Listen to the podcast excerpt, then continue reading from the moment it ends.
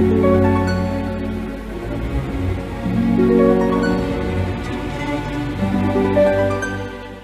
Leo, saya dengan Madam Aza. Kita bacakan sekarang kartu tarotnya.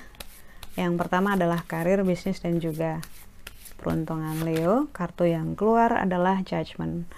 Kartu Judgment ini menunjukkan segala unsur panas. Kita bisa lihat ada matahari, gunung berapi, ular api, dan juga lahar di kartu ini gitu ya. Uh, ini menunjukkan adanya conflicting energies. Tandanya harus berhati-hati dalam membuat keputusan, dalam bicara, dalam presentasi gitu.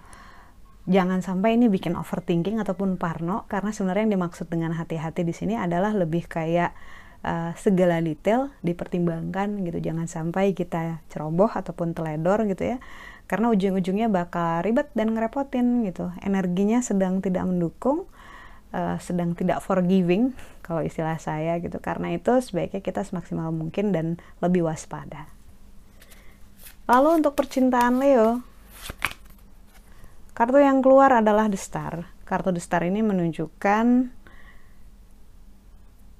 seseorang yang sedang berkaca di danau untuk mendapatkan bintang gitu ya.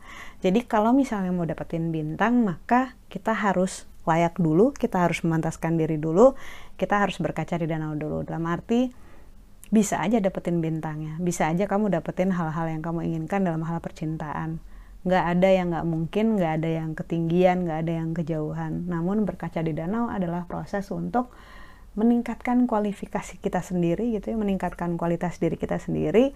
Apa-apa yang perlu kita upgrade gitu agar keinginan kita bisa jadi kenyataan ya dilakukan gitu jangan sampai kita cuma ngarep bintang tapi cuma ngarep doang nggak ada langkah-langkah yang dilakukan Lalu kartu nasihat yang diberikan untuk Leo, kartu yang keluar adalah The Hermit. Ketika kartu The Hermit keluar, ini menunjukkan seorang pertapa.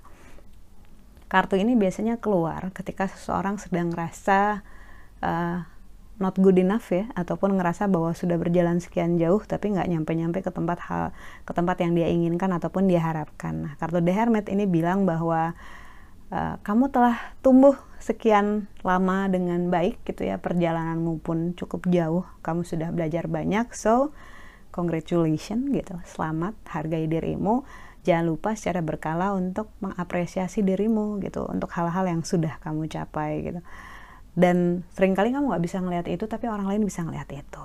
Tuhan bisa lihat itu. Jadi don't be too hard on yourself. Kartu The Hermit juga bicara tentang hal-hal dari masa lalu yang masih menggendoli ataupun mengganggu dirimu, energi-energi negatif, pemikiran-pemikiran buruk tentang hidup ataupun tentang dirimu sendiri atau tentang topik tertentu misalnya tentang hubungan, cinta gitu ya. Ataupun karir di mana kamu ngerasa kamu nggak akan bisa sebaik orang lain ataupun sesukses orang lain hal-hal uh, seperti itu sebaiknya di tanda kutip bersihkan ibaratnya jangan sampai kita menyabotase diri kita sendiri belum perang udah kalah karena ada pemikiran yang buruk ataupun limitasi yang sebenarnya nggak ada buat diri kita sendiri. Sekian bacaannya, semoga bermanfaat. Kita doakan yang terbaik saja untukmu. Semoga sehat selalu, panjang umur, kaya raya, bahagia, berkelimpahan, segala hal yang baik dari Tuhan Yang Maha Esa. Terima kasih, bantu saya dengan cara di klik like-nya, subscribe, share, dan juga komen. Thank you